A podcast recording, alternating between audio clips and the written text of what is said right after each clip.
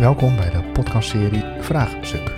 Het is vandaag maandag 1 februari 2021 en deze podcast gaat over de vraag: wat is het doel van censuur? Mijn naam is Alexander Engelman en in deze aflevering ga ik in op de vraag wat het doel is van censuur.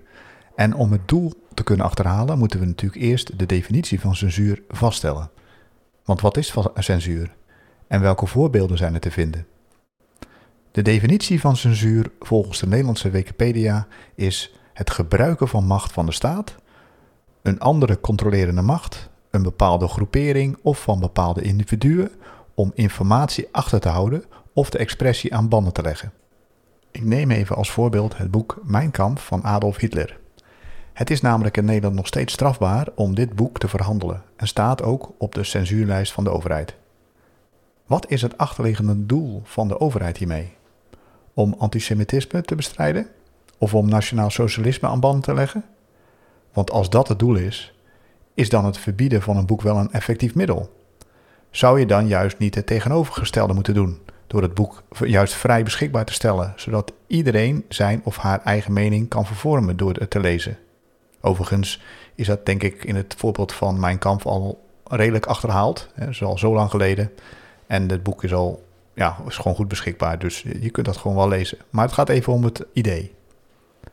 Wat mij opvalt is namelijk dat censuur veel vaker voorkomt dan we denken. Neem als voorbeeld het afsluiten van Twitter, Facebook en Instagram-accounts van Trump.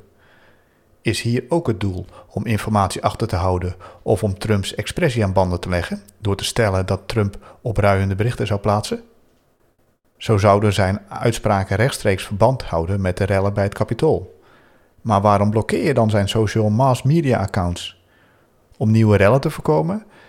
En wie bepaalt dan welke berichten wel en welke niet mogen worden geplaatst? Zijn dat dan niet de grote en machtige techbedrijven, zoals Facebook, die dat gaan bepalen? Dus als we een bericht gaan plaatsen dat tegen de regels van Facebook ingaat, dan wordt het verwijderd. Gewoon omdat Facebook dat vindt en omdat zij de controle hebben over hun platform. Of wordt dit dan toch ingefluisterd door de overheid? Want toen Trump nog president was, toen werden de regels blijkbaar niet overtreden door Trump. En hij is geen president meer en tjoep, al zijn accounts zijn voor onbepaalde tijd geblokkeerd. Het lijkt mij buitengewoon interessant om te zien hoe dit soort censuur nu precies in elkaar zit. Want ik denk dat het blokkeren van Trumps account in ieder geval voldoet aan de definitie van censuur. Maar welk doel wordt met deze censuur nu gediend? Zodat er geen rellen meer komen? Of om de herverkiezing van een president te voorkomen waar bijna 75 miljoen Amerikanen op hebben gestemd? Even voor de duidelijkheid. Het gaat mij niet erom of ik het wel of niet eens ben met Trump, maar ik zou graag willen weten waarom dit soort van censuur wordt toegepast. Want als dat doel duidelijk wordt vermeld wanneer een account wordt geblokkeerd, dan zijn we in ieder geval in staat om onze mening daarover te vormen.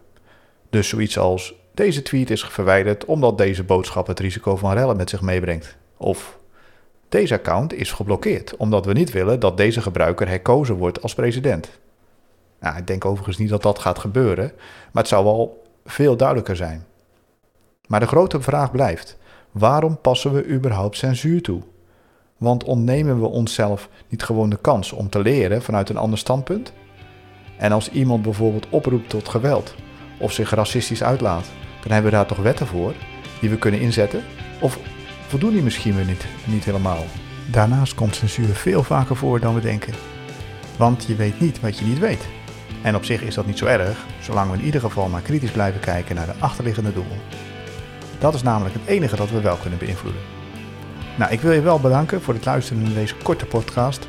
Graag hoor ik ook jullie ervaringen en of je wat van deze podcast vindt. Stuur gerust een, berichtje naar ajm.engelman.gmail.com. En de muziek die ik heb gebruikt is van Joseph McDade. En ik hoop dat je weer luistert de volgende keer.